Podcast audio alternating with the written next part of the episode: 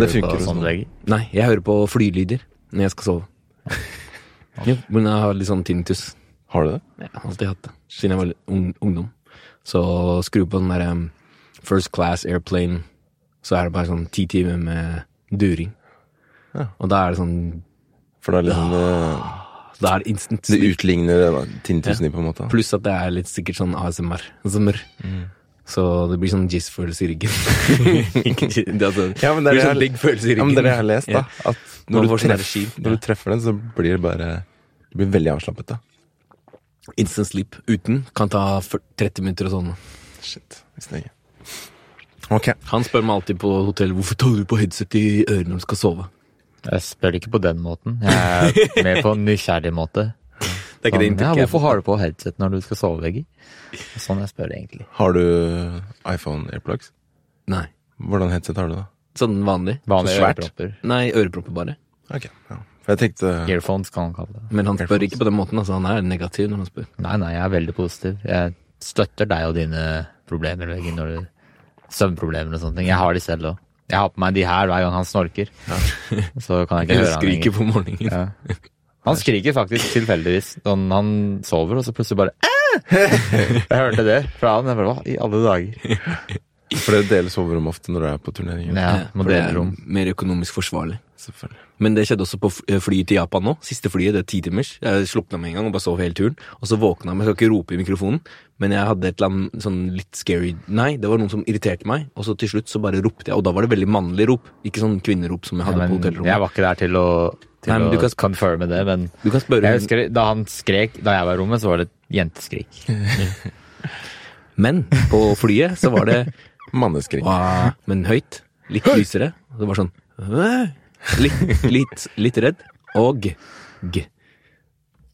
Lata som jeg fortsatt sov, for det var flaut. Så jeg holdt øynene lukka fortsatt. Det la sånn. I fem minutter bare sånn. Hæ? Nei, Skjedde helt til flyet landa. Og det var sånn 20, da var det sånn landing starting. Ja. Very much landing. Ikke verst.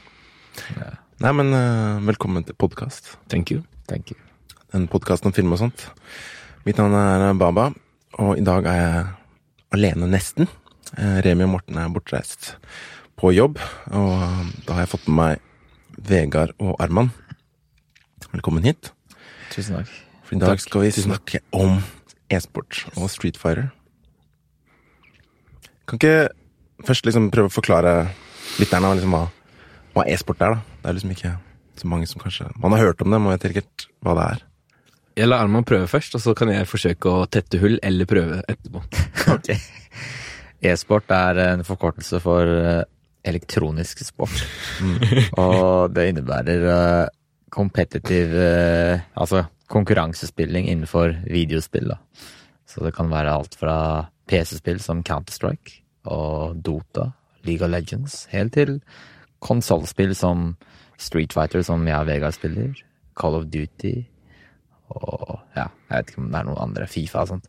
Så og det er så å si Det er sånn når du tenker på sport, så det er bare et konkurranse Altså det er videospill og konkurranse innenfor videospill. Det er det jeg tenker. Det er det som er en bra definisjon av e-sport. Jeg vet ikke hvorfor det var så viktig for dem å kalle det e-sport. Kanskje noen trengte det for å føle seg bra med jobben sin eller det de drev med, men det er jo bare konkurranse Det er bare um, organisert konkurranse på spill. Ja. Med spill. Kanskje man Det er så enkelt, egentlig. Ja. Akkurat som en eller annen sport, bare det er ikke sport, eh, fysisk sport. Det er bare en konkurranse. Ofte liga, championships. Helt følger samme, samme ting som sånn tradisjonell idrett. Ja. Og kanskje man ville liksom kalle det e-sport fordi man ikke følte at det var helt sport. Altså, Ja, men- det, det er ikke det samme som Det er ikke fysisk, på en måte. Men de kunne bare kalt det elektronisk konkurranse eller lignende. De kunne kalt det competitive ja, competitive videospill, gaming, competitive gaming. Mm. Jeg føler at mange sånn eldre menn blir veldig sånn triggered Når du sier e-sport. når man sier e-sport. Sånn, det er ikke sport! Ja, ja. Faen, altså! Men det er jo litt sånn. Ja, de blir triggered. Ja. Og da, kanskje de hadde vært lettere å få med på laget hvis de hadde tenkt sånn Å, her er de de søte guttene som spiller PC-spillkonkurranse. Det er kult. Ja. Men det er ikke kult når dette er sport. Nei. For det er jo ikke sport. Nei. Kjenner dere på det fortsatt? I Norge, liksom? Eller? Gamlinger. Gam, gamlinger ja. Eller generelt, da. Eldre menn, liksom. Eldre folk føler jeg det er litt sånn. Ja. Kan være litt sånn. Ha!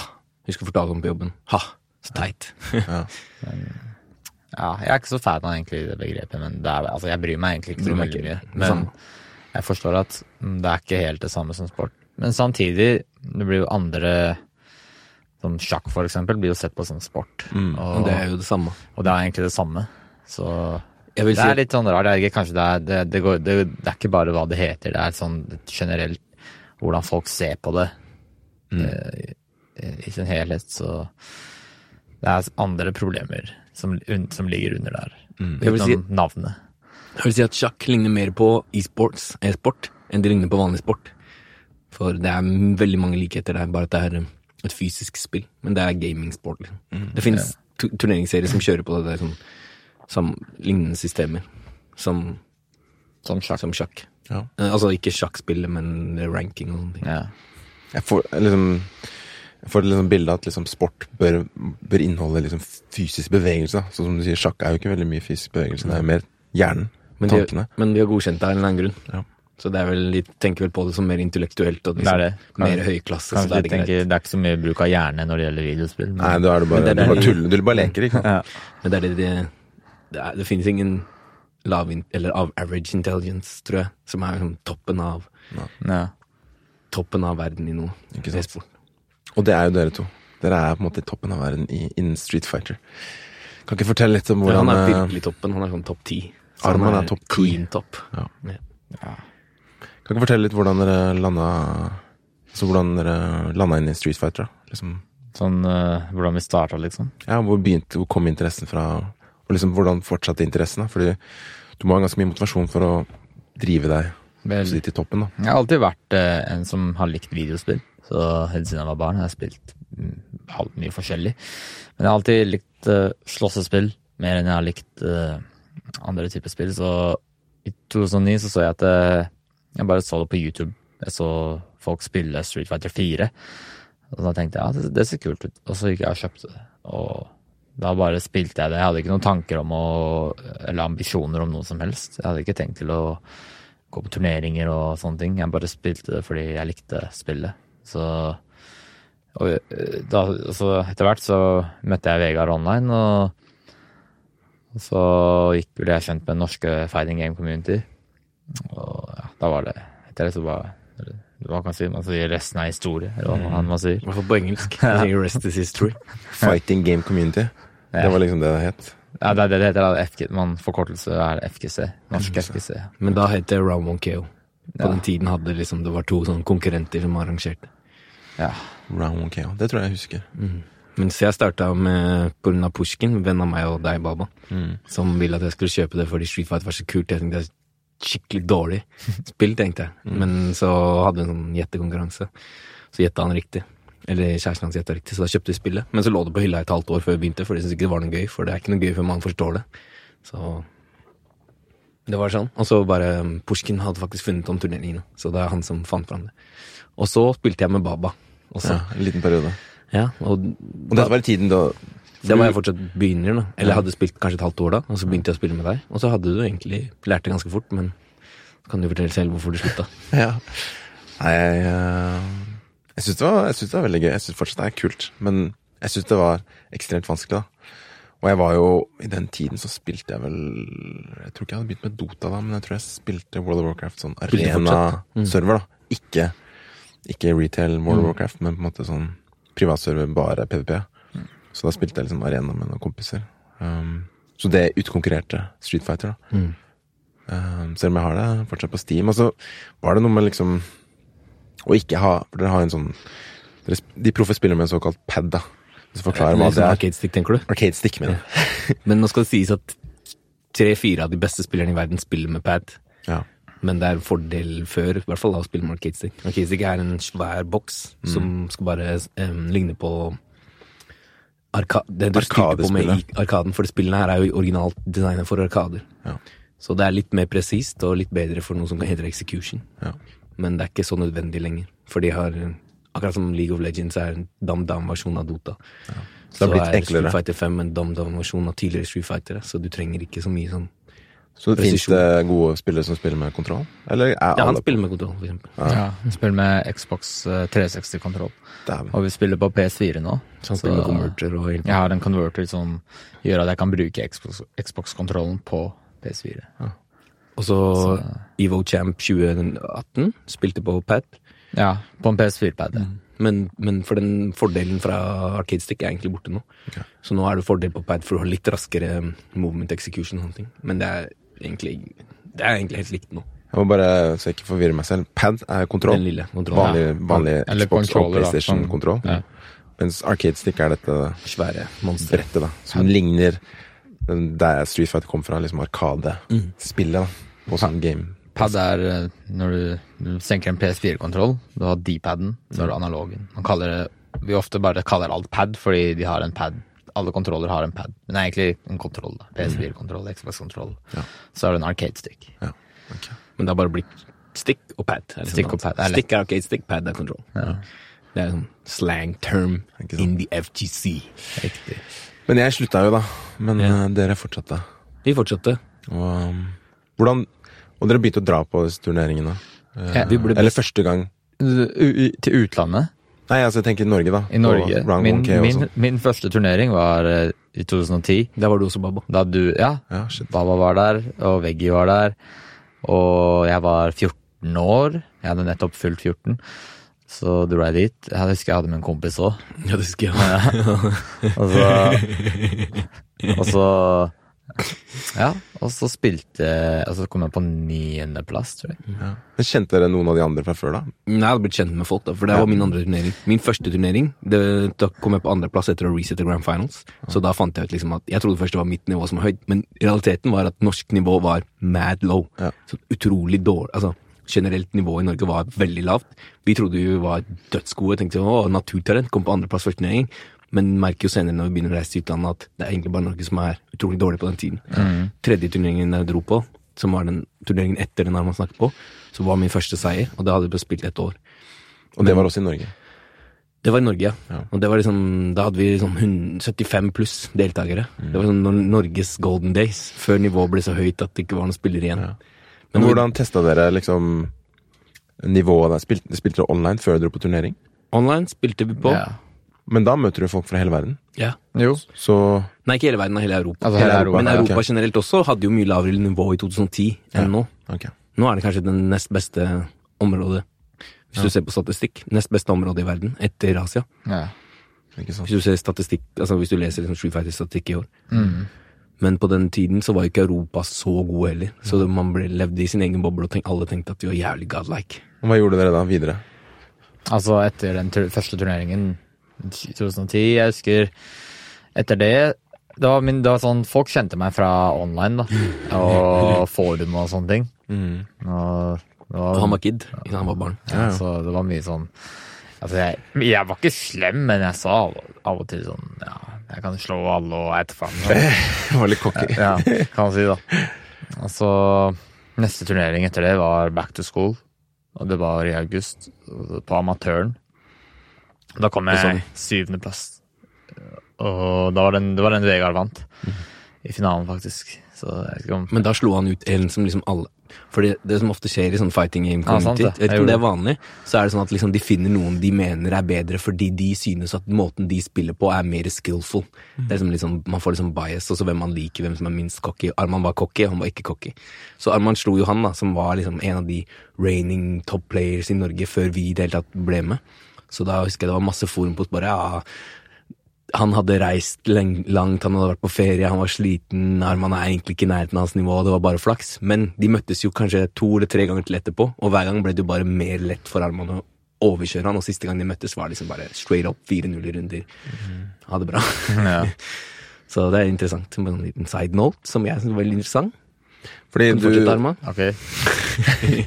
Nei, men jeg føler, jeg føler for meg, den turneringen Jeg, jeg gikk jo ut i sjuende. Jeg husker bare at eh, jeg ble glad for den seieren du nevnte. Topp åtte. Mm. Ja. Men eh, det er egentlig mer Jeg føler fordi du vant til turneringen, så jeg har ikke noe mer å si, egentlig. Ja, den turneringen, Det var en epic følelse å vinne en turnering i Norge. Det er liksom som å vinne et NM fordi alle de beste spillerne i Norge var der. Ja, ja. Det var sick Ja. følelse. Men den følelsen kom aldri tilbake igjen på senere vind. Så det var en engangsopplevelse. Jeg vet ikke, Du vant første turnering i Eh, ordentlig turnering. 2011. 2011, ja. Da var det jeg vant min norske, sånn, første norske turnering. På Desukon. Uh, nei, da kom jeg, det var 2010, da kom jeg andreplass. Nei, jeg mener den finalespillet var på Desu eller Hypecon. Hype Expo Hype Expo, ja. mm, I Norge. I Norge. i Norge. Så det var liksom første stage da utenfor FGC som han vant. Så det var, den vant jeg, og jeg husker jeg ble veldig glad av den, men jeg, jeg mener ikke Jeg mener at det gikk over relativt fort. Var det noe pris involvert i disse turneringene? Eller var det, det var så lite at Vi fikk, jeg fikk eh, gratis uh, spill og litt sånn kuponger og Ja, det var, det var ikke akkurat mye pengepremie der, nei. Men uh, det var mye sånn pride, da. ja. Ja, Fordi Pride er viktig. Vi hadde Det var mellom meg, Vegard og noen andre. Eh, og så Ja, så vant klarte jeg å vinne. Ikke sant. Og hvordan eh, Bare spør liksom for eksempel For du snakka om fire runder i stad. Liksom ett spill da, mot en motstander. Hvor mange runder er det snakk om? Fordi hver kamp så er det to. Førstemann til to, To ikke sant? Ja, så er det Mm. førstemann til ofte to kamper, men det er liksom sent i spillet, da er det førstemann til tre kamper. Ikke sant? Så hvis han så 4-0-runder, så betyr det at begge kampene var 2-0. da. Ja, så det er best av to. Best og i hver runde er det to. Ja, så det er best av, det er, det er best av tre, mm. og i hver game er det best av tre. Førstemann til to. Ok, Mm. Skjønner. Riktig. Skjønner. Så etter den turneringen så spilte vi faktisk Vi spilte en sånn team-tourney rett etter, som jeg også vant. Mm. Så det var Og da var dere på lag? Nei, Nei. da var vi mot, Møttes i finalen, da. møttes i finalen. Som Ja. alltid. Men det på en måte Da var det sånn Det solidifia den tidligere seieren, da. Ikke sant? Fordi da vant jeg både den og den. Og så var det Du har hatt neste turnering, tror jeg. Mm. Xmas Beatdown. Som var i januar. Som var i januar, ja. Var- Delayed turnering. Altså, på den tiden så begynte vi å swappe wins i Norge, så Ja. utenom en, en turnering der hvor ikke begge var, så vant vi annenhver turnering. Og så noen ganger så streaka Fennom, fordi Fennom begynte å dra fra. Fra 2012 til Ja. 2015. 2015 var det ingen turneringer. ja. Så, Så, vi tok annenhver turnering på den tiden, og da var muligheten til å komme inn i et lag. For da liksom begynte e-sport å vokse litt i Norge. Hvilket år var det her, da? 2014. 2014. Eh, ja, men før vi begynte i et lag, da Så vi må gå litt tilbake igjen. Jeg glemte sånn Vi begynte å swappe wins i Norge, men vi reiste Altså ikke bytte wins, men ta med Altså, Ja, sånn, sånn, Jeg begynte å vinne. Ikke sånn eh, collusion. Nei, det er ikke. Men, eh, Disclaimers. og så Vi reiste til vår første Eller min første internasjonale turnering var i, i 2012, ja, GMAC. Og Hvilket Vegard Det var i Sverige. Og Vegard hadde Vegard var, han hadde reist tidligere, men Det var min tredje. ja, din tredje eller noe. Og Vegard gjorde det eh, best da internasjonalt. Så jeg dro på min første turnering. Jeg tror jeg fikk 25.-plass eller noe. Topp 32. Mens eh, Vegard fikk uh, femte. Og tredje i crossdekken. Tre, ja, og tredjeplass i crossdekken. Så selv om vi drev og bytta wins i Norge, så det året så hadde han uh, flere internasjonale prestasjoner. Men min andre turnering etter det, da vi var i Paris, det var da jeg var 16 år, da fikk jeg min første topp åtte-plassering. Så Og da var jeg nede i 17th. Topp 24. et eller annet sånt. Ja. Og det var i Paris i Paris 20... i 2012, ja. Da var jeg 16 år gammel. November 2012. Så da, jeg, var- jeg har reist, teknisk sett, jeg har reist siden jeg var 16 år og deltatt uh, internasjonalt. da. Hva betyr det å liksom prestere sånn på topp 80 internasjonalt sånn? Hvem Det- ser deg, liksom? Det er jo, Topp det? 8 er jo på en måte sluttspillet til uh, i Street Fighter-turneringer. Og, og fighting game-turneringer. Altså, egentlig alle fighting game-turneringer. Topp 8 er finaledagen. finaledagen, ikke sant. Så som regel, du har en dag Du har to dager med turnering, kanskje ofte tre, hvor de to første dagene er uh, gruppespill, topp 128, topp 64, topp 32, topp 16. Og så søndagen er siste dagen, og du må Det er topp 8, så da må du kvalifisere deg til topp 8. Det er the finals day, hvor du spiller på store scenen og, og alt det der. Så det var når du, hvis du, Å få topp 8 er en Det er sånn respektert, da. Og det er der price money er nå. Ja. Liksom, Topp 8, da breaker du inn i price pool. Ja. Ikke før. Da får du ofte. penger. Sjeldent før. Ja. Og de som på en måte styrer, følger For jeg skjønte at Capcom har en sånn pro tour. Ja. Var det det da? òg? Er, er, liksom, er de med på Det var å starten det av Pro Tour. det var første året av Pro Touren hvor de hadde veldig få turneringer i året, og du måtte komme topp to for å kvalifisere deg. Så det var 25th Anniversary, het det da. Det var i 2012. Det var da det starta. Capcom Pro Tour. Ja. Men da var, ikke, da var det ikke stort. Men da måtte du vinne også. Du måtte vinne en hel Du kunne ikke qualify by points. Ja. Du måtte vinne en av to eller tre turneringer. Det var Ja. veldig lite, da. De hadde ikke satsa så mye penger på den. Ja, også. og folk var ikke så dedikert til å reise på alt det der heller, fordi det var ikke Det, var, det virka ikke stort nok i det øyeblikket, føler jeg. Og så hadde vi ikke funds til det heller. Mm. Det kosta mye å reise for egen lomme. Spesielt for han som var ungdom. Ja. Ungdom. Og litt av liksom Det som gjør at det blir penger i ting, er jo når det på en måte interessen er der fra Andre. publikum, ikke sant. Ja. Eh, Så du kan ha reklame og sponsor og sånne ting. Da har man mulighet til å legge med penger i det. Sånn som med fotball det er jo ikke rart. De, de har mye penger, for det er så mye Det er så mange som er interessert i det. da. Så Street Fighter vokste. Bare fortsatte å vokse. Det har begynt å vokse veldig på den tiden. ja, det begynte å vokse Turneringsmessig, da. For hvert år så begynte uh, pricepoolen å øke, og turneringene begynte å bli flere. Og spillerbasen ble større. Så det har, det har hatt en sånn solid sånn increase siden da. Ja. Og så nå Og 2013 så vant han NM i SF2, eh, nei SF4 version 2012, og i 2014 så vant jeg NM i SF, den siste versjonen av 754. Ja. Og 2015 så var vi ferdig med norske turneringer, egentlig, for det var ikke mer, og da ble det bare utenland. Han vant første huge event, premier event, med alle de beste spillerne fra Japan i 2016. ja Og- med Street Fighter 5, da. Ja, og da var det nye Street Fighter 5. ja, For det kom og, ut i den Det kom ut i perioden. 20, eh, 2016. Hva forandra seg fra Street Fighter 4 til Street Fighter 5? da? Vel- Fokuset på hvor man må være god. Ja, altså. Street Fighter 4 var mer eh, Skal vi si Det var mer fokus på Det er litt vanskelig å forklare, egentlig. Ja, det- Det fordi når hvis jeg skal forklare det til folk som ikke forstår, så vet jeg ikke om det er en enkel måte å forklare det på. Utenom at Jeg kan si at de to spillene er ganske eh, De har sine forskjeller, som er Og jeg føler de er også ganske store. Men uh, basics til et er at det ser egentlig altså det, ser, det ser relativt likt ut. Sånn, hvis du spiller Ryu i SF4 og SF5, Så ser det ikke så så ser det altså, at han kaster en fireball, ikke sant? og så det ser det samme ut, liksom. Men spillet er helt forskjellig i forhold til hvordan hva som er meta, og øh, hva slags uh, ferdigheter spillet på en måte støtter, ikke sant. Sånn uh, Ja. Så jeg vil si at SF4 var, mer, var mye mer teknisk spill, så det var vanskeligere å, å, å spille. Sånn, det var mye mer execution-based, ikke sant. Så vanskeligere å ta på mot folk som ikke er så gode. Ja, så, du, så, ja, så i det spillet, når du først ble, ble god, så var det vanskelig å ta på med folk som var gode. Mens i SFM, de gjorde, det, de gjorde ting mye mer lettere da, å Man er li limt sammen. Man Ja. har mindre mulighet for å distansere seg. Så for nybegynnere de, gjorde, de prøvde å gjøre det så lett som mulig for nybegynnere. For å I, få ja, for å få flere folk inn. Så jeg føler det er den største forskjellen mellom Men, men for nybegynnere er det like vanskelig. Fordi ko- nybegynnere sliter med Ok, hva er det jeg skal gjøre? Ja, Hvordan er det jeg kaster en fireball eller gjør en uppercut? Og Ja. de tingene er helt likt. Mens det har gjort det egentlig bare lettere for intermediate players å slå high level players. ja. Så mid-level players har blitt vanskeligere å slå, men low-level players de er fortsatt low-level. Helt like. Fordi, Hvordan påvirker det på toppen, da?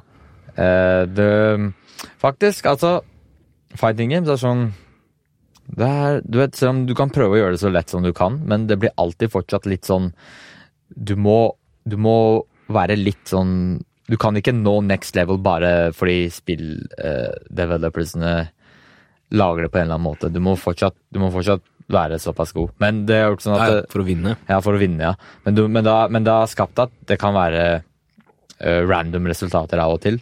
Så hvis du er en top player, så kan du av og til tape hvis du har uflaks. Mens, men, men hvis du er god, så bør man i lengden ha gode resultater. Ikke sant? Så det, det, er, det er ikke en unnskyldning man kan gi til deg selv For hver eneste tap. for hver eneste tap.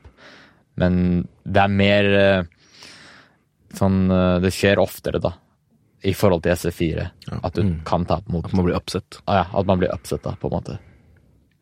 Ikke sant? Men det er et Street Fighter 5 hvis man har lyst til Det er et bra nok spill. Altså, det er morsomt nå. De har improva det nok til at man, man, man nyter det når man spiller. Ja. Og koser er koser seg, Men man kan bli litt frustrert da, fordi det er ting som man savner. og sånn. Men sånn er det sikkert for alle spill. Ja, fordi jeg spiller jo Dota, og det er også ganske svært. Sånn Ja, det det, blir mye større, da. Eller Det blir større og større, sånn prismessig og turne, konkurransemessig. Og de også det er veldig vanskelig å komme inn i for nybegynnere, så de prøver på en måte å gjøre det lettere, men uten at det skal påvirke toppen. da. Og det, Ja, det er det, er vanskelige ting. Ja. Men det høres bedre ut. Jo, jo, men uh, det er, jeg tror det er vanskelig å få den dynamikken Ja, ja. til å fungere. Ja, Fordi, som du sier, da, gode spillere de vil alltid måtte, prøve å finne måter å lære eller liksom gjøre spillet på en annen måte. Spille Ja. på en annen måte. For å liksom bare måte. bli best mulig. Ja. På alle, altså du, som utvikler utvikleren sikkert ikke har tenkt på, ikke sant. ja.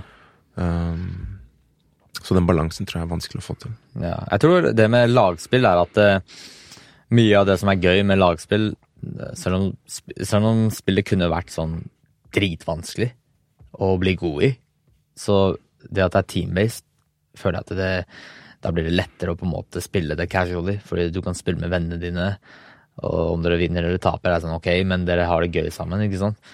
Mens i fighting games, du er alene, og hvis spillet er, da- og hvis du taper og taper og taper, og du er, det er bare deg selv, liksom, så tenker du at det her er kjedelig, det er drittspill og så videre.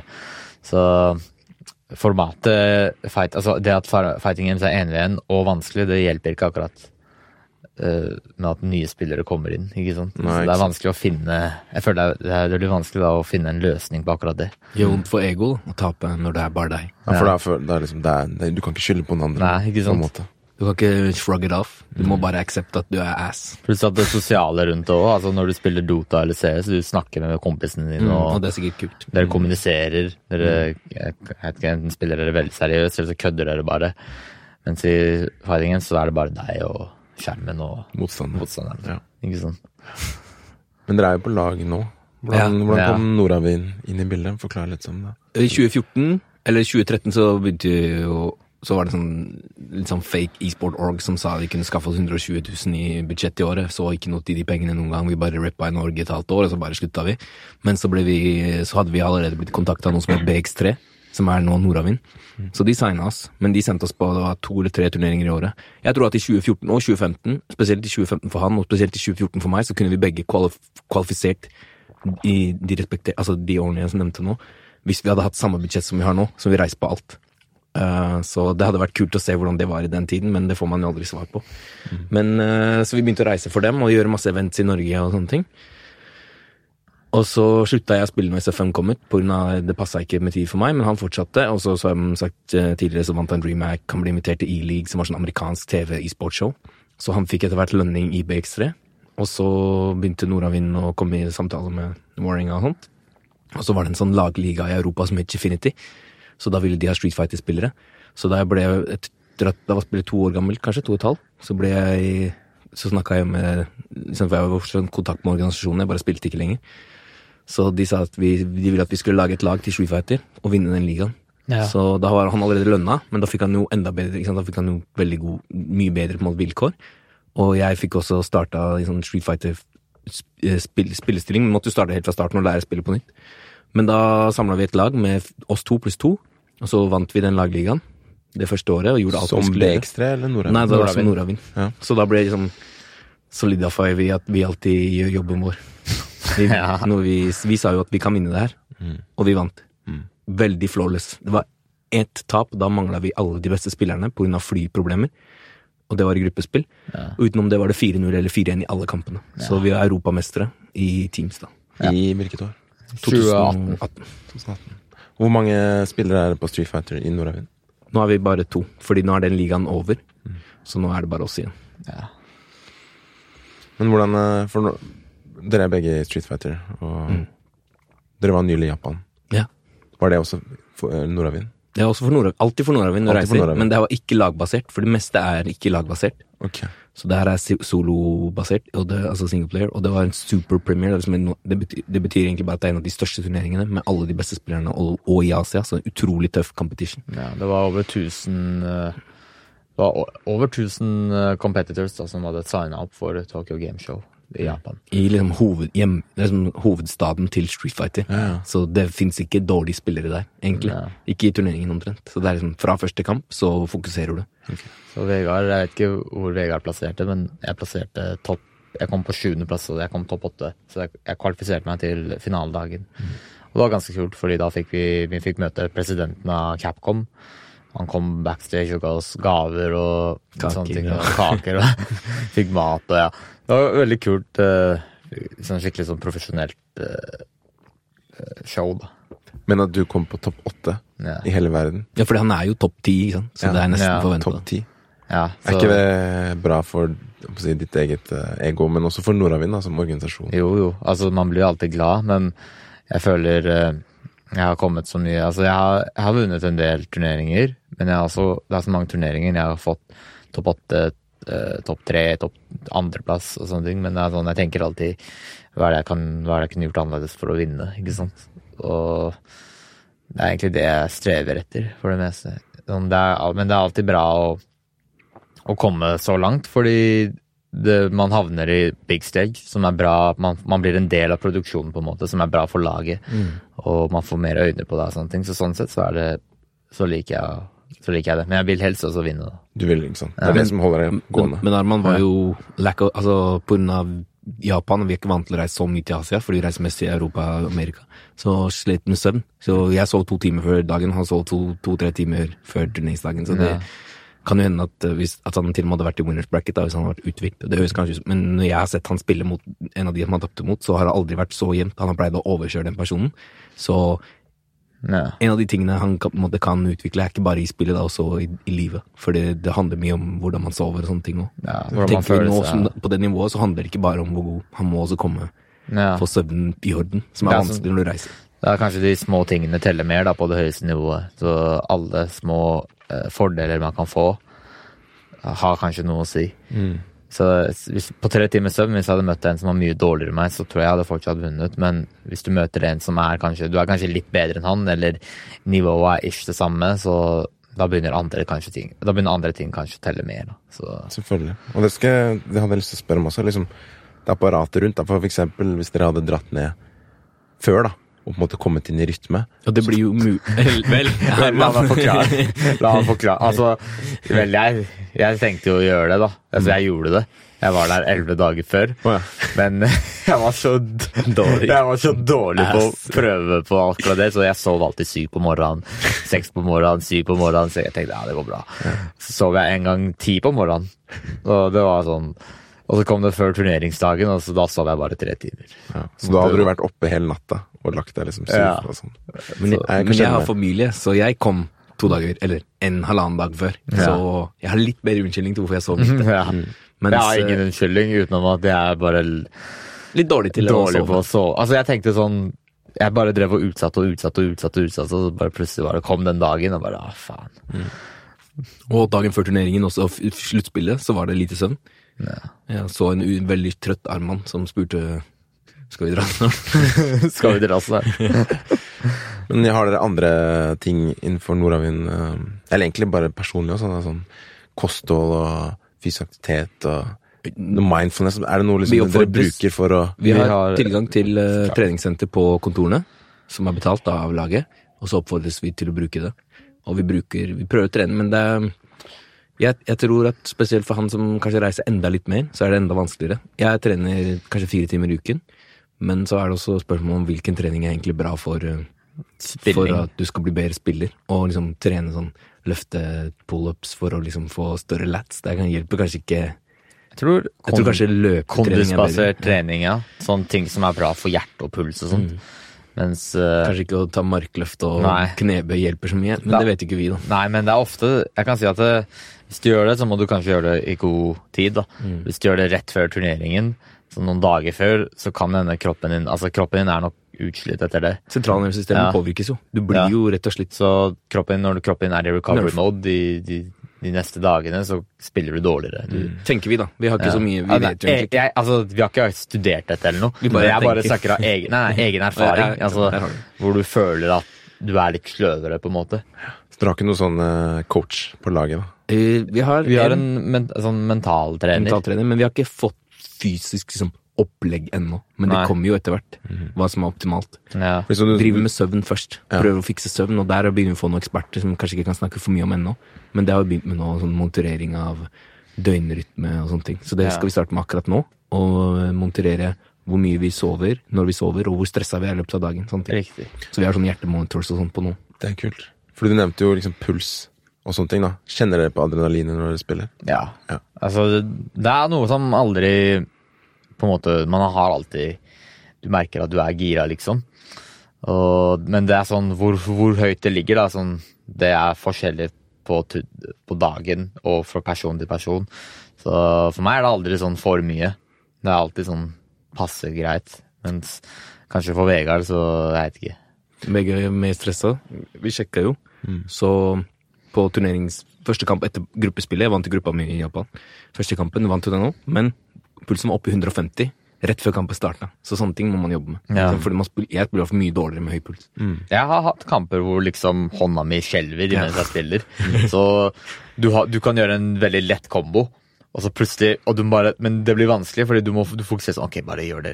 Det går greit. Så hånda skjelver sånn her mens du spiller, fordi du- man er så nervøs, ikke sant. Men eh, det er sånn det er sånn jeg føler man, jeg har blitt bedre også på å håndtere det litt. Ja. Så det er noen ganger sånn hvor jeg er så fokusert at sånn, jeg er ikke nervøs, jeg bare er så fokusert at jeg, skal bare kjøre over han der, for eksempel. Det er sånn, av og til så kommer det der, og da, det er da man spiller, det er da jeg spiller best. Ikke sant? Og det, som du sa, mental trening. Jeg tror det jeg, altså jeg tror sport, eller de som er utøvere på toppnivå, jeg tror de fokuserer mye på det. Og innenfor Dota da, så hadde vi første gang et lag som vant altså The International, som er VM, eh, to ganger på rad. OG.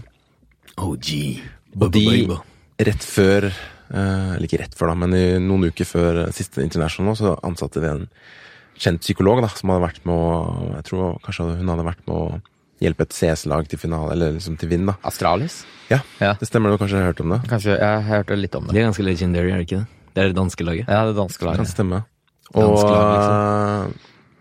De sier i hvert fall i etterkant at liksom du, Eller du ser på måten de spilte, og hvordan måte de var. da De var liksom mye mer rolige. Ja. De hadde liksom De trodde på seg selv, da. Tror jeg de hadde en helt annen mental tilgang, eller mental uh, trening og liksom tilknytning til hele greia. Og hvis du ser liksom på Usain Bolt og sånn før han skal løpe, da, så er han på en måte Jeg tror han også bruker en annen type teknikk, men han er veldig selvsikker. Når han på en måte viser til kamera og drar posten sin. Han, er liksom, han tror på seg selv da, på en helt annen måte. Så jeg tror liksom Jeg håper det blir en del av e-sport. da Ja. liksom Man tar det såpass seriøst. Fordi man vil spille så optimalt som mulig, ikke sant? Og det er det de tingene bidrar til. Så hvis man taper da, så, det, så har man et bedre blikk på hvorfor man tapte. Sånn, hvis alt var perfekt og man tapte, så er det kanskje fordi ja, da må jeg bli bedre.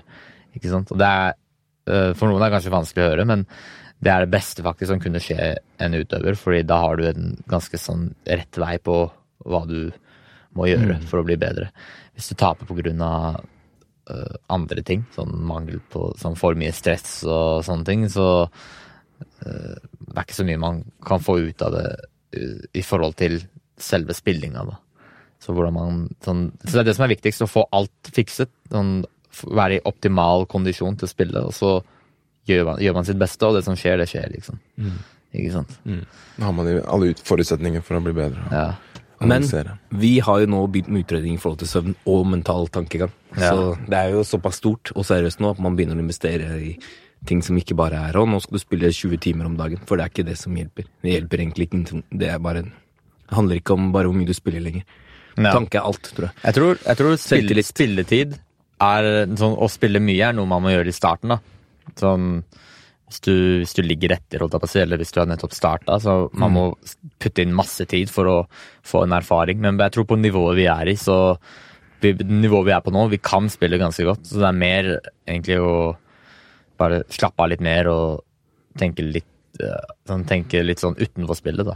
På spillet, istedenfor å være inne i spillet hele tiden. Altså selvfølgelig når du lærer Sånn som når han lærte en ny karakter jo, fordi karakteren hans var bra nok lenger, da, ja, må du Da spille. må du spille, fordi det er en ny greie, ikke sant? Du må lære alt, men når Ja. alt, du har lært, du har liksom sett alt, så hjelper det ikke å se det kanskje 40 ganger til. Nei. Hvis du har sett det 20 ganger, da må du begynne å finne ut hvorfor du tenker 'å, jeg kommer til å tape den midt i kampen', plutselig. 'Å nei, jeg tapte', selv om Ja. du ikke har tapt den. Sånne ting skjer jo. Søren. Ja. Og det tror jeg påvirker veldig mye. Og det er jo det som du snakka om. De psykologene hjelper deg å ikke tenke sånn sikkert. Kan jeg tenke meg. da. Mm. Jeg tror det. Uh, så når dere trener, da, bare Hvordan skal dere greie å liksom nå førsteplassen da, med disse tankene? Eller med, med dette i bakhånden, at liksom vi må fokusere på det mentale og sånt, men hvordan for eksempel, trener dere mot hverandre, eller bruker dere online, eller trener dere mot andre gode Begge i deler. verden? Vi, deler. når, vi er, når han var spesielt, han hadde elleve dager i Japan, så han fikk jo med de beste. Jeg fikk i hvert fall én sånn session med de beste i verden. uh, så det hjelper. Men skulle gjerne hatt ti sånne til mens jeg var der, men jeg kunne ikke pga. familie dra tidligere. Men vi spiller mot hverandre òg, men ikke hele tiden, fordi det blir, eh, det, blir, det blir for vant til hvordan karakteren vår funker på den måten vi spiller. Så man må ikke Nå er det en stund siden sist gang vi har hatt sånne sessions, kommer vi til å ha det igjen. Ja. Og så mye online. Vet ikke, Arman kan Ja, så det er som Vegard sier, variasjon er på en måte det viktigste. Du vil, eh, fordi mm, spiller mot samme person hele tida, så kan man bli for vant til hans tendenser og sånne ting. Man får kanskje et feil blikk av hvordan alle av den samme karakteren spiller. Så man må spille mot mange forskjellige folk for å få et bredere perspektiv på, på hele spillet. Og i forhold til Norge, da, sånn vi og Vegard kan møte opp uh, på kontoret og spille opp og øve sammen. Eller kan vi spille online. Det er mest online som foregår, fordi vi har ikke så mange spillere i Norge. Så jeg må spille mot resten av Europa online. Men det er litt sånn i Europa, det er noen limitations, kan man si, da, i forhold til det. Fordi man har ikke Man har noen spillere som er veldig gode, men man har ikke alle spillere som i forhold til Japan, hvor du kan spille mot alle karakterer og få best mulig erfaring overalt. I, overall i hele spillet. Så det er sånn, da må vi jobbe rundt det og se, på, og se mer på videoer og prøve å teori, teoretisere teori, ja, teorisere, teoretisere selv. Don't ask me. Theorize selv at, uh, hva vi kan gjøre da, rundt det. Men jeg husker at da vi var i Japan, og jeg spilte elleve dager, så for dag etter dag så merker jeg at det, nivået ble høyere og høyere i forhold til Europa. Og det er jo naturlig, fordi de har et mye øh, større community der. Da. Mm, det er flere som spiller, liksom. Ja. Men hvis du er nybegynner i Norge, så er det noen som har blitt litt bedre altså Som har vært nybegynnere, som nå begynner å bli sånn diamond rank. Det er liksom decent, da. Som driver og hoster sånn locals så på House of Nerds. Liksom annenhver uke eller hver fjerde uke. Vi orker ikke å dra så mye, for vi er allerede utslitt fra å reise til å orke å reise enda mer bare for å spille når vi allerede er Man blir veldig brent, eh, brent ut på reise, da. Ikke på spillet, spille, men på reise. Men hvis du er nybegynner og hører på, og har lyst til å så Norsk Fighting Game Community har en gruppe på Facebook, og den kan sende deg videre. Så der fins offline events og andre å spille med, men det er bare at de som vi spilte med i starten, de fleste av de, nesten alle de, har falt av. Så nivået generelt er mye lavere. Så det er ikke så mye å hente og hele tiden spille offline i Norge for oss. Men det fins fortsatt offline-spillere som prøver å komme på det nivået. Og det gjør de til slutt. Det tror jeg. Men mange av de som var liksom topp med oss i SF4, har på en måte bare slutta helt. Hvor mange Du snakka om at det er mye reising. Hvor mange reisedager har dere i året? Liksom, Over 120. Jeg hadde 128 i fjor. Jeg hadde 128 reisedager.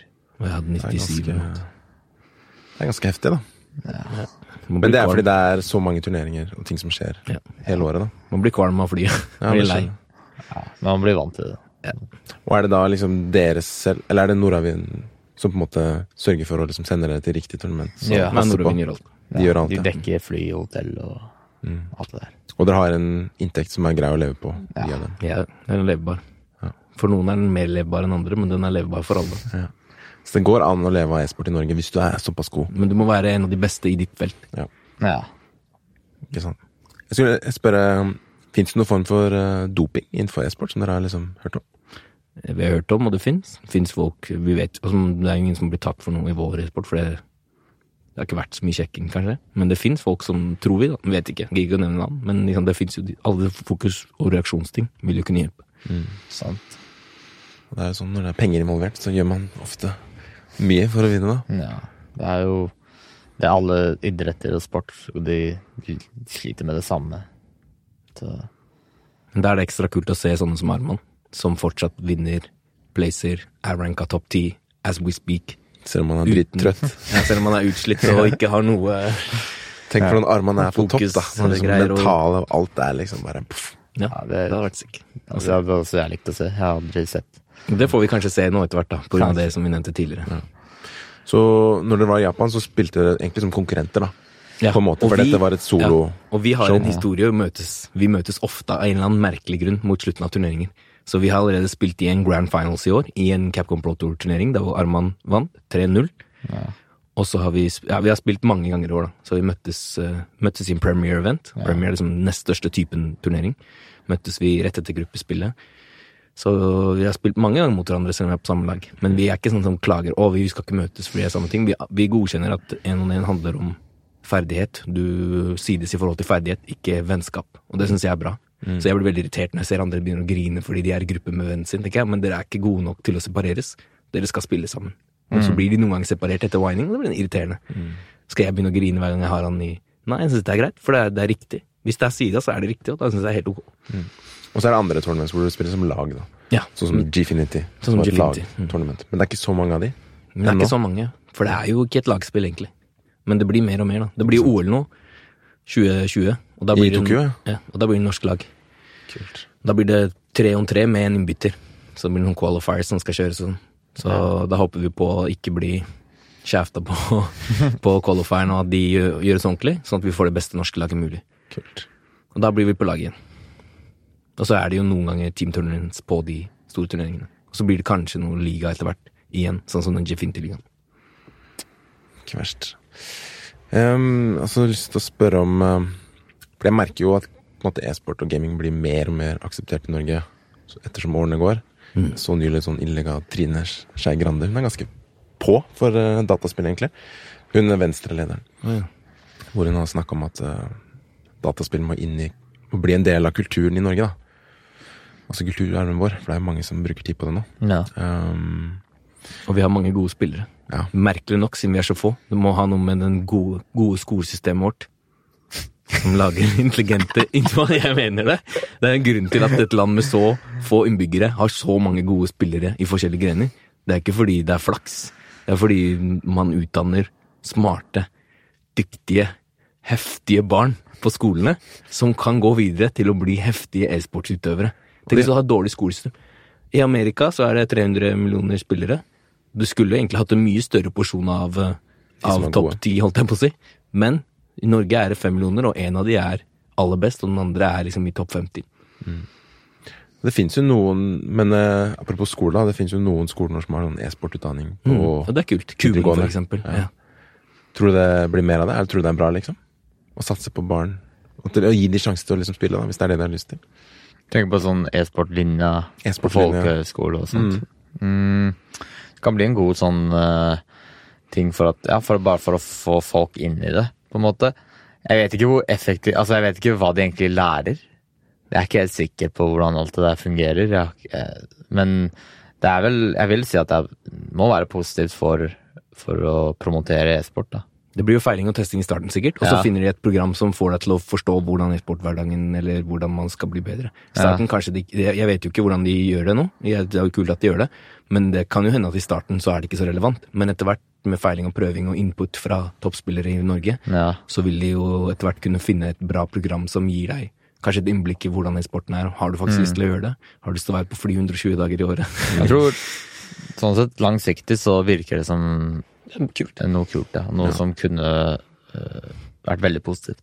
Man må jo ofre en del tid hvis man har lyst til å gjøre det her. Ja. Du må jo like det du gjør for å bli god, antar jeg.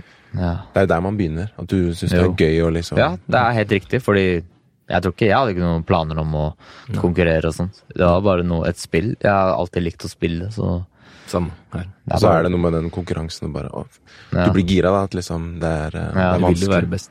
Ja, altså det er jo man, det er en slags sånn Man får en type purpose med, med livet. Man har noe å gjøre, noe å jobbe frem mot. Så, så uansett hva det er, jeg tror alle mennesker øh, vil, gjør med et eller annet Altså de har et eller annet sånt de gjør. Så for oss er det det. Hva syns eh, familie, venner og nære Skal jeg kjøre først, så siden du har litt mer å utdype? Mamma og pappa syns det er kult. Uh, Samboer syns det er kult. Veldig kult, faktisk. Sønn syns det er heftig, tror jeg. Fortsatt bare fire år, så vanskelig å si. Men pleier å se på noen ganger og si sånn Pappa, du vant. Du er, er du han mannen? Ja, sånne ting. Um, så for meg er det bare positivt, egentlig. Det er jo Norge, så det er ganske trygt å satse på ting som ikke er vanlig, for du kan alltid komme tilbake igjen og studere fra du er 30 eller fra du er 40, for den saks skyld. Ja. Vel, jeg er jo fra min Jeg vet ikke. Jo. Pappa, pappa han, han, han er ikke negativ i forhold til det. Han er ganske positiv og sånt. Mamma skulle ønske jeg studerte eller drev noe annet i stedet. Så For de tenker langsiktig, kanskje. ja, kanskje. Enten, så, enten det, eller de vil liksom ha øh, safety net, da. Ikke sant? Men det er som det Vegard sier, at øh, jeg hadde kanskje forstått det hvis, det var, hvis de bodde i et annet type land, men i Norge kan de komme tilbake og ta opp, altså gå på universitetet og sånne ting. Og jeg er fortsatt ung, så det er ikke noe Og dette her er fortsatt lønnsomt for meg. Ikke sant? Så jeg føler at det skader ikke å prøve, akkurat. Det er ikke akkurat som at du kaster bort eh, at du liksom lever et fattig liv. Nei, Lever et veldig absolutt ikke. Nei, ikke det hele tatt. Så Nei. det er jo lever et ganske godt liv, men det er sånn eh, Jeg tror det går mer ut på ikke bare ikke bare det å ha studio og bla, bla, bla. Jeg tror kanskje bare i forhold til moren min, for eksempel. Altså kanskje hennes syn på spill generelt har alltid vært veldig negativt. mer det, ja. Ja, det er kanskje Det ligger noe mer der, vil jeg si. Vil jeg si. Ikke sant? Og det, er, eh, det har jeg på en måte sjæl opplevd også. Jeg har ikke satsa på Eller jeg, er ikke så god som dere, da, kan man si. Kunne vært. Eh, men eh, det hadde vært gøy å kunne leve av noe man- syns er gøy, da. Men eh, jeg føler at det blir sett ned på av både familie og samboer. Det, det er greit, men det er liksom ikke Det er liksom ikke Det er, det er liksom bare lek. Det Da. er lek, ikke Det er ikke sant? seriøst, Ja, det er ikke seriøst, og Det er ikke noe du kan satse, Det er ikke noe du kan drive med og satse på. Liksom. Dette er bare sånn ja, sideprosjekt, da. ja, det er sånn mamma liker å si bortkasta, bortkaste livet ditt og sånne ting. Mm. Men det jeg hører av og til. Men sånn er det bare. Men altså Ja, altså, ja, anyway. Det er litt spesielt når man på en måte her får en bedre liksom langt over gjennomsnitts Ja, ja. Eh, livsnæring, eller hva man skal kalle det. Og etter hvert kan liksom kjøpe leilighet uten noe lån eller noen ting. Da er det, gjør man det bra. Ja, og dette tror jeg liksom er, eh, kommer til å forandre seg. Da. mm. Man ser jo i hvert fall for Dota liksom, hvordan familiene etter hvert støtter, for de ser at på en måte, Ja. det her er faktisk stort. Da. Og jeg vet ikke Hva tror dere er på en måte det største Det mest spilte spillet i Norge nå? Kanskje Fortnite? Sånn blant Jeg vil tippe at det er det nå, ja. Men utenom det, kanskje league. League League eller Counter-Strike Ah, er. Counter-Strike er jo nasjonalsport i Det Norge. nasjonalsport. Visste du ikke det? Nasjonalsport i Norge, Counter-Strike. Det har alltid vært huge. Ja. Huge. Jeg vil si Fortnite akkurat nå har sikkert Kanskje. flere spillere, men, Men overall, Men- gjennom tidene, men- er CS ja, det største e-sportspillet ja. noensinne i Norge, tror jeg. ja. Og jeg har jo 600 lag i Telenor-ligaen eller noe sånt, med fem spillere på hvert lag. Og enda flere som ikke deltar. Det er såpass, ja. 600 lag. Nei, er 600 spillere 600 lag. I Nordligaen. Og hva er 6 ganger 5, Baba? Ja, det er ganske mye. Og seks ganger 5, enda mer. 600 Men, ganger, så 3000 spillere, da. Ja, det er ganske sjukt. Og det at det, liksom, at det går an å ha en egen norsk liga, er jo veldig bra. Ja. Største ligaen i verden? Er det det de sier? Eh, hva? Største offisielle liga? Telenor-ligaen. Ikke, kanskje ikke størst premieutbetaling, men decent det òg. Men flest lag, flest spillere. Innenfor CS, da. Jeg tror generelt? generelt e-sport. Det er den største ligaen. Telenor-ligaen. Jeg. Telia-ligaen heter det kanskje nå. Det visste jeg jeg ikke. Jeg har bytta navn. Unnskyld, Telia. Men dere har jo ikke noe Street Fight er ikke så stort at dere er med der. Det er ikke nok spillere, liksom. Nei, det hadde vært det i 2010. Mm. Det hadde vært nok spillere. Ja, men, men- nå er det for nisj i Norge, men ikke i verden. Fordi jeg har jo Jeg tror på en måte at dette kommer til Eller det forandrer seg hele tida, og det blir liksom større. Og det er litt morsomt, for jeg har en nevø på ti år, og han har liksom begynt å spille Fortnite. da Så det er så gøy å liksom bare se neste generasjon bare liksom Jeg kan, spe- jeg kan liksom relatere meg til noe med han, da. Eh, og det blir gøy å se når liksom disse vokser opp med spill fra liksom enda tidligere alder kanskje enn oss. da Hvordan det liksom påvirker deres liv, og hvordan verden vil se ut, og hvilke muligheter man har. da Ja. uh, Jeg håper det blir mer og mer Jeg håper det blir større, rett og slett. Jeg tror det blir uansett. Håper det, jeg òg. For oss. Det blir, det blir kult hvis det blir større og større. Huge. Ikke sant? Jeg glemte helt å spørre liksom eh, Hvor mange karakterer er det i Street Fighter, og hvilke er det dere spiller? Jeg tror akkurat nå så er det 36 Ikke helt sikker på tallet, men det er en del nå. i Ja, altså det blir mellom, 30, altså mellom 35 og 40, da. et eller annet sted. Og jeg spiller tre karakterer. Jeg spiller uh, Nekali, som er en ny karakter. Karin og Bison. Jeg, Tre karakterer. jeg starta jo seint med femmeren, for jeg slutta jo egentlig når femmeren kom ut fordi jeg kom tilbake pga. ligaen i 2018. Så jeg spiller føler jeg akkurat mestra én karakter, da, Birdie. Men jeg har lyst til å lære en til nå. Føler det er på tide å få en secondary. For du kan, Man kan egentlig bare spille én karakter.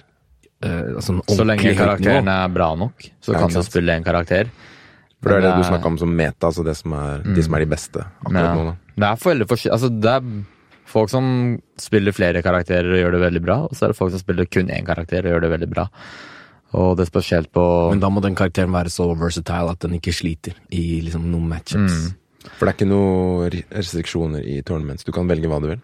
Alle Eh, ja, Alle kan, er kan velge hva du vil. For turnering. Mm. Så det høres jo Det er mange jeg snakker med da, som ikke spiller slåsspill. De sier alltid ja, hvorfor bare counterpicker du ikke? Eller hvorfor bare velger du ikke en annen karakter? Og det er litt sånn Det er litt sånn eh, på, Når du ser det utenfra, så det gir mening, ikke sant? Du tenker ja, den, den karakteren du spiller nå, tap mot den. Da må du velge en annen. Altså, det gir mening, men det er lettere sagt enn gjort. Det, tar, det, er ikke, det er ikke et spill hvor du kan bare velge en karakter og så bare spille han. Du, du må øve og du må dedikere masse tid. Og så må du lære deg å balansere mellom den karakteren og den andre karakteren du spiller. Så du kan opprettholde et høyt nivå på begge to. Så det i seg selv er en utfordring, og det er en grunn til at det er, en grunn til at det er veldig få som spiller flere karakterer samtidig på høyt nivå. Ikke sant? Så Men enda større grunn til at de Det er sjeldnere at de er de som vinner, egentlig. ja, det er, De som heller det, spiller en av de beste, er de som vinner mest. Ja, Mm. det er det òg. Så det å spille flere karakterer samtidig er veldig vanskelig, egentlig. For Fordi du lærer både spillet og karakteren. Karakteren er som å lære et helt spill, ja. egentlig. Det som er med slåsspill, er at når du velger en karakter, alle lærer spillet gjennom karakteren sin. Ikke sant? Så jeg lærte, jeg lærte, mitt, jeg lærte Street Fighter 4 gjennom Bison, som er helt annerledes enn f.eks. Ryu, som du spilte. Så vårt Da du starta, og da jeg starta, vårt syn på spillet var egentlig helt annerledes. Mm. På grunn av karakterene våre er helt annerledes. Ikke sant. Ikke sant? Så Og som du sier, det er veldig dypt for å forstå en karakter Ja. helt ut. riktig. Ja, det er Alt du sånn kan gjøre. Ja. Jeg føler at Hvis du spiller for eksempel League, så spiller du mer et spill, og så er karakteren her på sånn verktøy.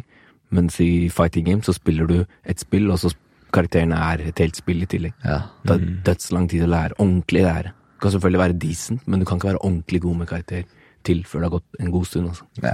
Riktig. Og det lærer dere av spillet, men også se på andre spille Ja. eksempel. se på andre spille, prøve å kopiere spill som er bedre enn deg, og prøve å eh, flette inn deres ting de gjør bra inn i din stil. Da. Og ja, det er mye som går utover, utover det.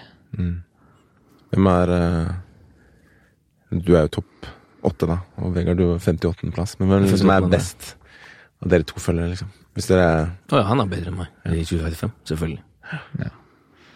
Har du en slags sånn uh, For du Du har en rolle som sånn playing manager i Nordavind. Ja, men den managerdelen var større når vi hadde en lagliga som vi var en del av. Da var det mye jobb. Nå er det ikke det mye jobb, for nå er det bare meg og Herman. Så det er ikke sånn at du på en måte mentorer han, eller noe sånt. Dere er på en måte Nei, vi eh, snakker mye sammen om ting, men det er ikke noe forskjell på ny, eh, sånn, Det er ikke noen trang for mentoring. Han er jo bedre i SFM enn meg, så managing-delen er mer få spillerne til å være trygge og sånne ting. Og passe på at de kommer der de skal. Og veldig mye Jeg tror vi vant den ligaen mye også pga. at spillerne var mye tryggere enn i andre lag. For andre lag var det mye sånn her 'hvorfor taper du', og 'du er dårlig', og krangling. Mens i vårt lag var det alltid veldig norsk, norsk samfunn. Veldig, veldig norsk samfunn i laget vårt. Alle er Fordi vinnere. Du vet at Norge er et veldig bra land, og som du ser på skolegang, og og det er ikke sarkastisk nå, jeg mener det. Vi hadde veldig sånn norsk miljø i laget, selv om det bare var to nordmenn. Ja. Og det var med vilje, fordi nordmenn skap... Nei, norsk miljø skaper vinnere. ja, Er det Vi vant jo. motto til Nordavind? det var for mottoet mitt. Nå må vi ha sånn norsk tankegang. Alle for én og én for alle. Er norsk, da. Du får jo pokal når du taper i Norge, så man er egentlig alltid en vinner. Ja.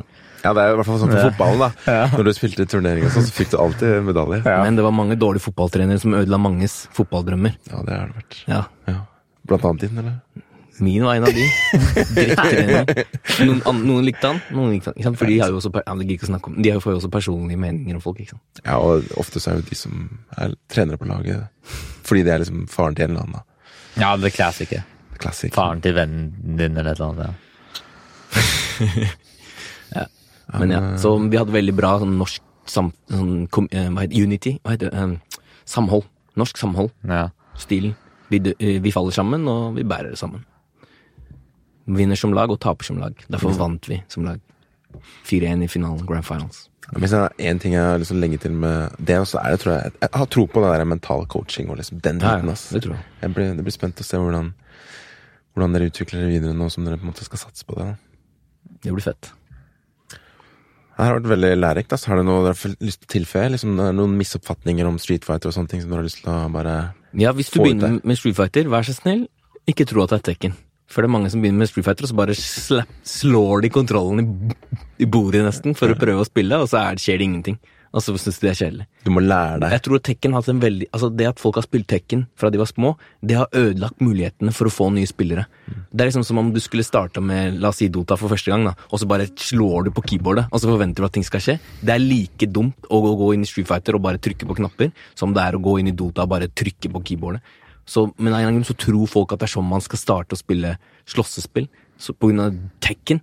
Så Tekken har ødelagt mange muligheter og mange nye spillere, fordi de har antatt at dette er noen måte man skal gjøre det på, og det er kjedelig. Men hvis de hadde gått inn med tanke på at nå skal jeg lære meg å spille et spill, så hadde de kanskje lært det fort og syntes det var dritfett.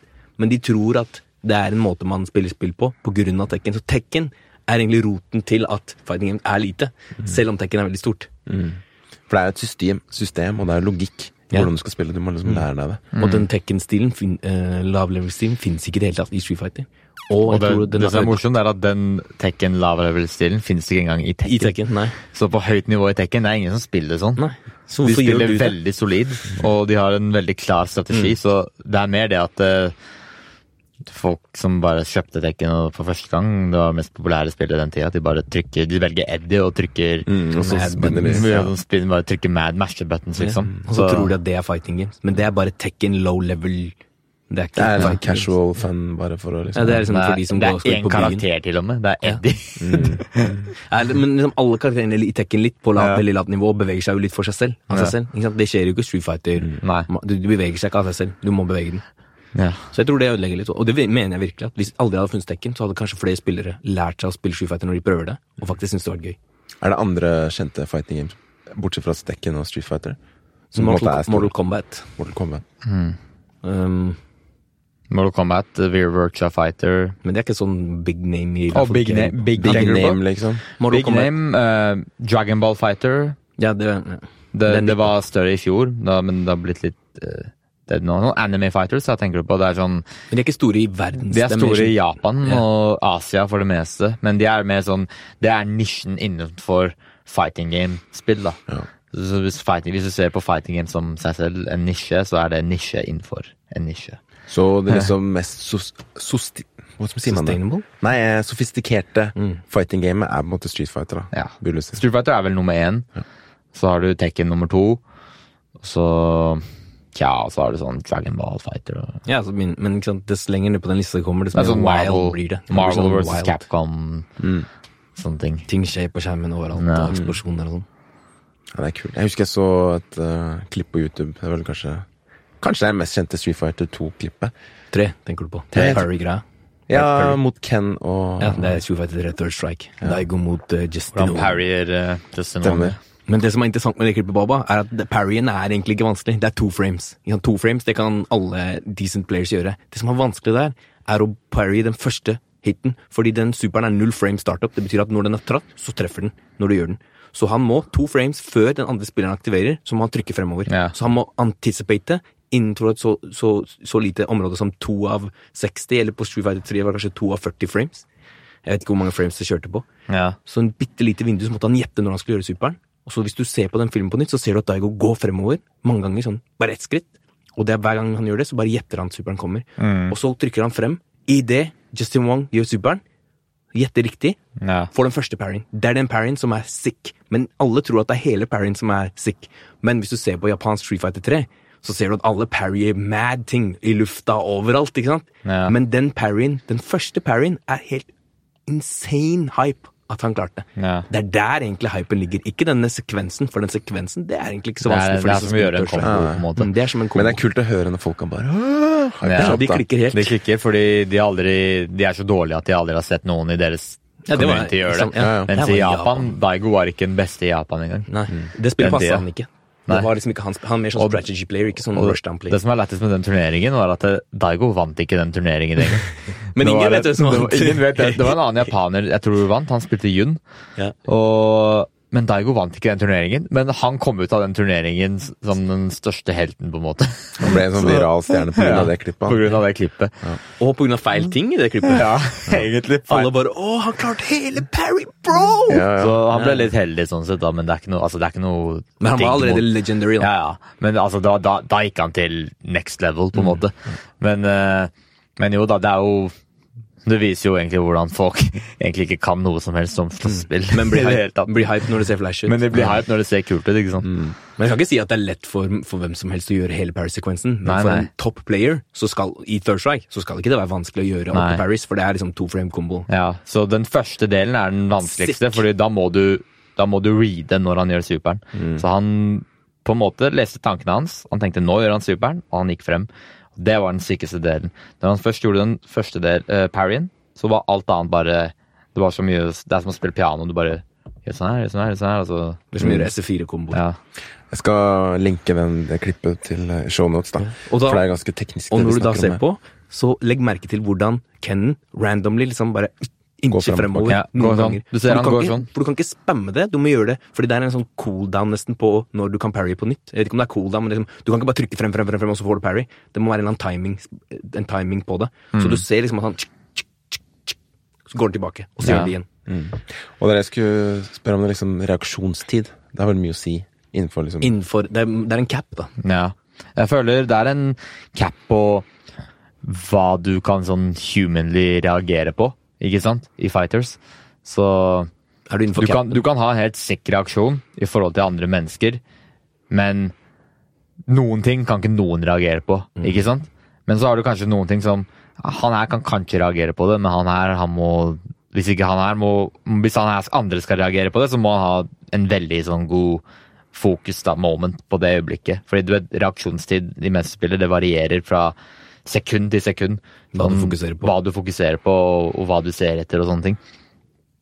Så reaksjonstid er viktig, men det som er enda viktigere, føler jeg, er erfaring. Mm.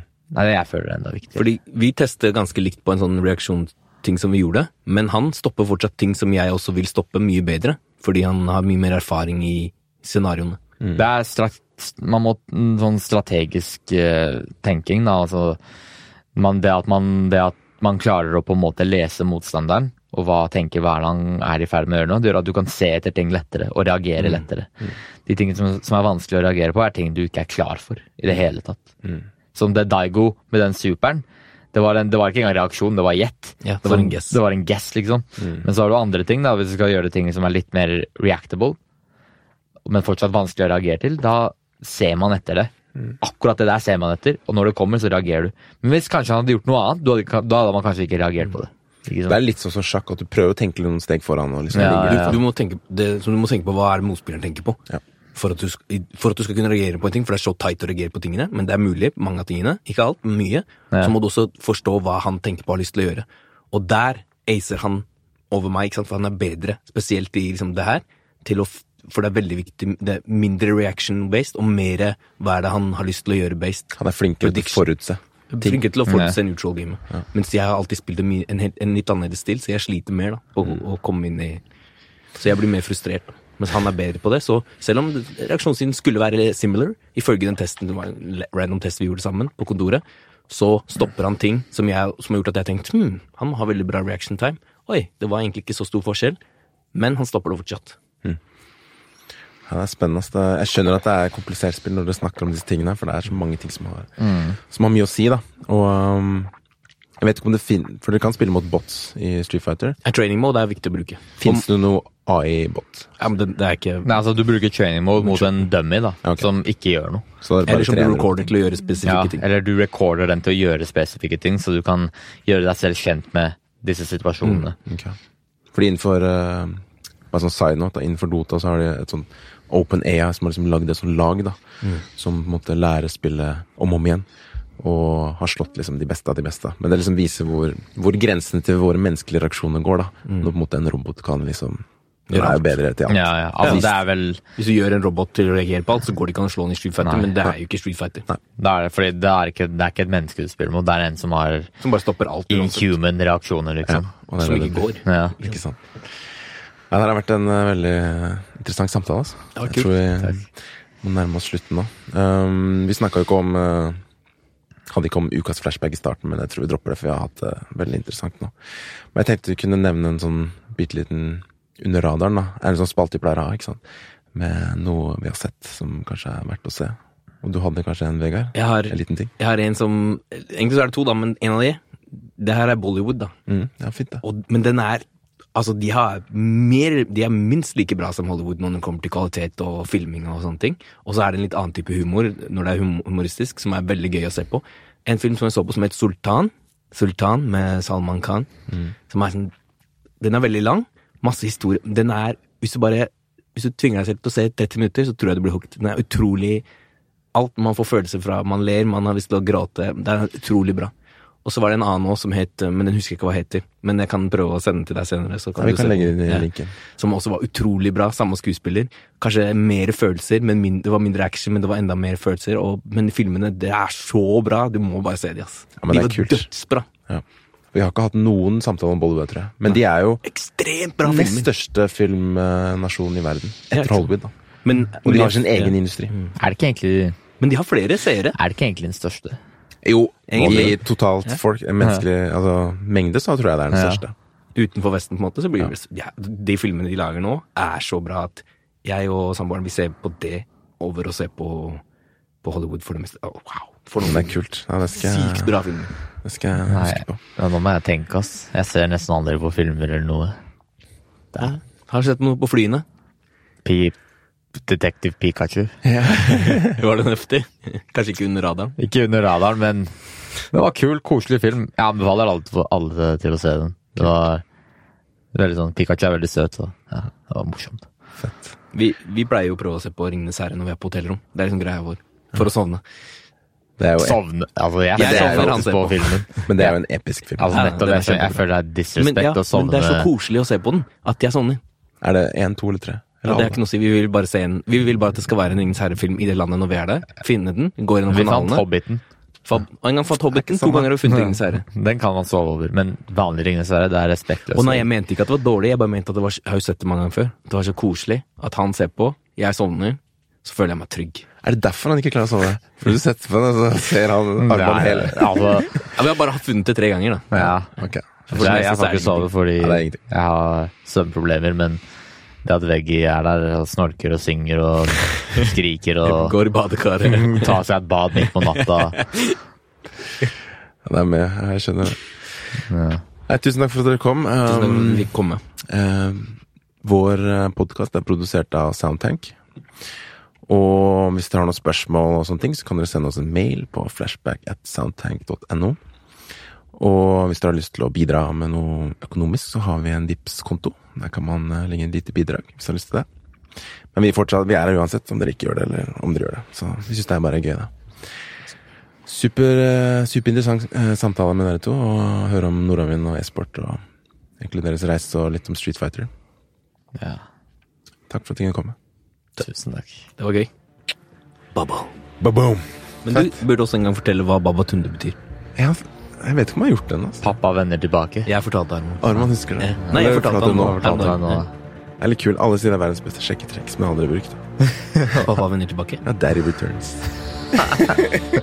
Kanskje. Kanskje. Kan være bra. Men du trenger ikke å prøve det. Nei, jeg har ikke gjort det. Du